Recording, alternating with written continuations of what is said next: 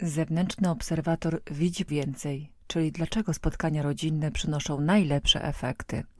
W tym odcinku podzielę się swoim doświadczeniem pracy z rodzinami nad zmianą nawyków żywieniowych. Powiem, które elementy są najistotniejsze i na co warto zwrócić uwagę przy moderowaniu pracy rodzinnej. Dlaczego ja o tym będę mówić? Dlatego, że mam już pewne swoje doświadczenie. Najwięcej przyjmuję w gabinecie małżeństw i par, na przykład mama z córką, ale również mam pod swoją opieką rodziny 3, 4, 5 lub 6 osobowe. Zaczęło się przypadkiem, gdy przyjęłam pierwszą rodzinę. Przyglądałam się im bacznie i zauważyłam, że znacznie szybciej realizują swoje cele, jakim jest zmiana nawyków żywieniowych. I faktycznie to naprawdę ma sens, bo przecież my, jako ludzie, funkcjonujemy w pewnym systemie i nie da się nas na czas diety z tego systemu po prostu wynieść. My wracamy do domu i mamy wspólną lodówkę i jeżeli w tej lodówce wciąż będzie smalec, to ciężko nam będzie go nie zjeść, jeżeli dajmy na to jesteśmy miłośnikiem smalcu. Na tym to właśnie polega. Zaczęłam się nad tym zastanawiać głębiej i szukać metod pracy w modelu rodzinnym. Oczywiście jest to praca bardzo trudna, bardzo wymagająca, zwłaszcza wtedy, gdy w obrębie rodziny komunikacja jest na takim sobie poziomie, czyli przyganiał kocioł garnkowi. Choć dzięki dużej swobodzie spotkań i luźnej atmosferze to naprawdę ma sens, bo potrafimy śmiać się, z czego warto się zaśmiać, ale też potrafimy poważnie porozmawiać na tematy, które tego wymagają. W pracy z rodziną ważnych jest tak naprawdę kilka elementów. Jest to wspomniana już wcześniej komunikacja. Zwykle na pierwszym spotkaniu ja już widzę, jak to wygląda, kto tu rządzi, kto jest liderem, z czyim zdaniem się liczą najbardziej pozostali członkowie rodziny. Widzę również, kto jest największym autorytetem, albo czy rodzeństwo jest dla siebie pomocne, czy raczej dokuczliwe, kto jest bardziej odważny, a kto się najbardziej boi, kto więcej mówi, a kto mniej. Pracuję w taki sposób, żeby wszyscy czuli się komfortowo. Czasem jest potrzeba osobnej rozmowy, gdy jakieś komunikaty mnie mocno rażą i moim zdaniem są krzywdzące, albo mogą być krzywdzące dla którejś osoby. Mam na myśli to, że nie wspierają ją po prostu w realizacji celu. Wtedy spotykam się osobno z mamą czy z tatą. Zwykle jest to osoba dorosła bo my, rodzice, chcemy jak najlepiej dla naszych dzieci i nie widzimy, że w tych wszystkich naszych wielkich staraniach wyrządzamy więcej krzywdy niż pożytku. To wynika oczywiście z troski. I moim celem jest powiedzieć, jak można zamienić ten komunikat, by bardziej służył drugiej osobie, albo ustalamy czasem wspólnie, których słów nie będziemy używać, w jaki sposób będą brzmiały, na przykład jakieś zdania klucze, które będą wspierały nas. Nie mówimy jedz powoli, bo to jest takie zwracanie trochę uwagi, tylko zamiast tego raz, dwa, trzy, cztery maszerują oficery. No i wtedy wszyscy się zaczynają śmiać i już wiemy, co to oznacza. Jem po prostu za szybko. Ważne, by być dla drugiej osoby po prostu wsparciem, ale nie takim wsparciem, że źle robisz tamto, czy nie jest tego. To nie pomaga. I ważnym elementem jest właśnie określenie, co dokładnie komu pomaga. Czasem trzeba to po prostu nazwać.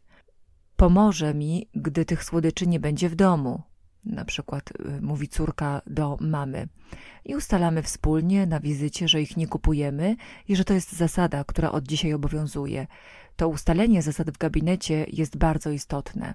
Większość pracy mojej skupia się na ujednoliceniu systemu żywienia w obrębie rodziny, czyli wspólne zakupy i gotowanie, wspólne też na miarę możliwości spożywanie posiłków.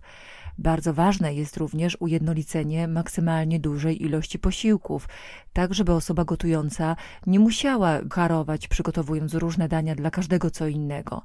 Musimy dojść do kompromisu. Ten kompromis oznacza długie negocjacje tego, czego nie zjem. No dobra, mogę się odważyć i tego spróbować. Lub na przykład, jak to nie lubisz bakłażana? Przecież jadłeś go ostatnio wczoraj. Naprawdę? Jadłem bakłażana? Mamo! No i to tak właśnie wygląda na wizytach. Negocjujemy, szukamy rozwiązań wspólnych.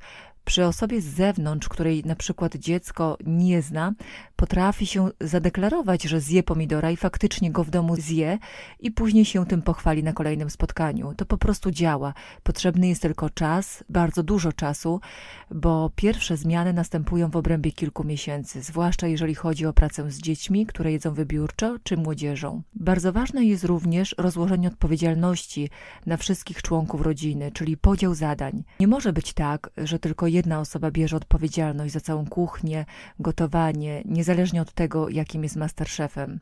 Dlaczego? Ponieważ to nie zadziała. Warto, by odpowiedzialność była dzielona, czyli każdy miał swoją. I z każdym z członków rodziny rozmawiam osobno, nieważne czy są to dzieci, czy są to dorośli.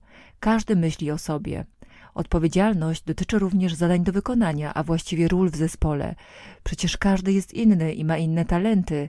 Ty możesz dobrze gotować zupę, a ktoś inny makarony, albo ktoś ma doskonały zmysł planowania i organizacji, a ktoś bardzo dobrze na przykład robi notatki, więc będzie tworzył listę produktów, a ktoś ma dużą wyobraźnię, więc będzie wymyślał nowe dania, a ktoś inny jest jeszcze dobrym poszukiwaczem przygód i skarbów, więc będzie szukał nowości kulinarnych.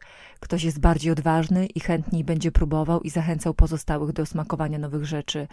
Podziałów jest naprawdę sporo. Na każdym spotkaniu pracujemy nad tym, nad czym akurat będziemy pracować w domu w danym momencie. No i ostatni element, a właściwie przedostatni. Ważna jest prawda, choć czasem my sami jej nie widzimy, ale nie dlatego, że specjalnie to robimy, tylko nie dostrzegamy ważnych rzeczy z jakiegoś powodu, bagatelizujemy, odrzucamy. I właśnie dochodzimy do tego, co jest najważniejsze, z czego ja bardzo korzystam e, pracując z rodzinami, to jest obserwacja. Bo twoja rodzina, która jest obok ciebie codziennie, oni widzą to czasem inaczej. Nie wiem, czy lepiej. Wystarczy, że zauważą, że sięgasz wieczorem po dokładkę i na wizycie to powiedzą, ale nie po to, żeby cię ośmieszyć lub skompromitować, tylko po to, by ci pomóc. Bo jeśli widzimy to, potrafimy to nazwać i porozmawiać o tym, to prawdopodobieństwo, że to się zmieni, jest ogromne. Czyli nie zamiatamy pod dywan, nie robimy tego, co dzieje się zwykle na pojedynczych spotkaniach. Tu jest duża przestrzeń, duża otwartość, dużo większa szczerość, dużo więcej emocji, dużo więcej pomysłów i działań i dużo większe i trwalsze sukcesy. Choć nie zawsze, bo wszystko zależy od rodziny czy tego ta rodzina chce, na jaką otwartość może sobie pozwolić w stosunku do siebie. Ja jestem tylko moderatorem tych rozmów. Czasem coś widzę i nazywam, czasem podpowiadam, jak coś połączyć lub jak rozdzielić. Najważniejsze jest to, żeby się nie poddawać. Będą gorsze dni, momenty, bo każdy z nas takie ma. Jednak w grupie jest prawdziwa siła i widzę to wyraźnie, gdy jedna osoba zaczyna wątpić, a druga ją podnosi, podnosi na duchu, wspiera, a później jest na odwrót. Tak właśnie jest w pracy rodzinnej, bo rodzina potrafi być najlepszą grupą wsparcia pod warunkiem, że się tego po prostu nauczy i na to jest potrzebny czas. Uwielbiam tę pracę, uwielbiam pracę w modelu rodzinnym. Ona sprawia, że rodzina nie tylko chłodnie czy zmienia nawyki, ale przede wszystkim zacieśniają się więzi. I to jest niesamowite uczucie.